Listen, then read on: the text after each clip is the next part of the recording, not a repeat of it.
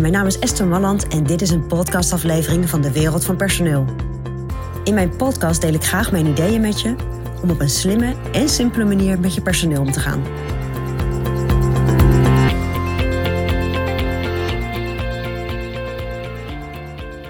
Ja, wij ondernemers zijn natuurlijk een apart soort.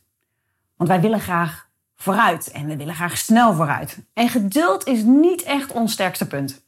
Althans, laat ik voor mezelf spreken. Maar ik moet je eerlijk zeggen, ik zie dat ook heel veel bij, uh, bij onze klanten en bij andere ondernemers die ik spreek.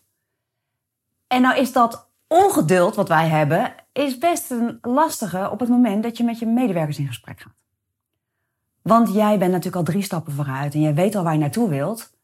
En wat je dan doet vaak in een gesprek, is dat je eigenlijk in één gesprek al een hele grote stap wil zetten. Want jij weet eigenlijk al waar je naartoe wil gaan met die medewerker. Maar op zo'n moment vergeet je dat die medewerker helemaal niet in jouw denkproces is meegegaan. Dus weet ook dat als je zaken gaat bespreken met je medewerker om iemand in beweging te krijgen of iemand naar een andere functie te krijgen of iemand in een project mee te gaan nemen, dat je ook dat op moet bouwen en dat je dus wat meer geduld moet hebben. Ga er dus vanuit dat je niet in één gesprek gelijk van A naar Z kan zoals jij dat in je hoofd hebt. Maar realiseer je dat je dus meerdere gesprekken nodig kan hebben om die medewerker mee te nemen in jouw gedachtegang en die medewerker mee te nemen in een stuk commitment voor nou, waar je diegene naartoe wil brengen. Of een stuk acceptatie van waar je diegene naartoe wil brengen. Geduld is echt belangrijk in personeelsgesprekken. En geduld moet jij zien als niet alles in één gesprek willen doen. Maar misschien heb je soms drie gesprekken nodig. En kijk gewoon steeds, ook tijdens een gesprek met medewerkers of met je medewerker, kijk gewoon, oké, landt het? Is het aangekomen? Misschien is het goed genoeg voor vandaag en moeten we binnenkort weer verder praten hierover. Maar doseer het dus.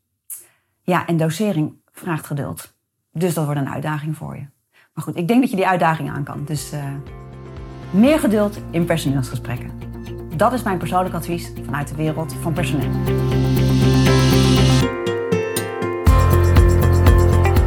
Wil je ontwikkelingen in de wereld van personeel blijven volgen?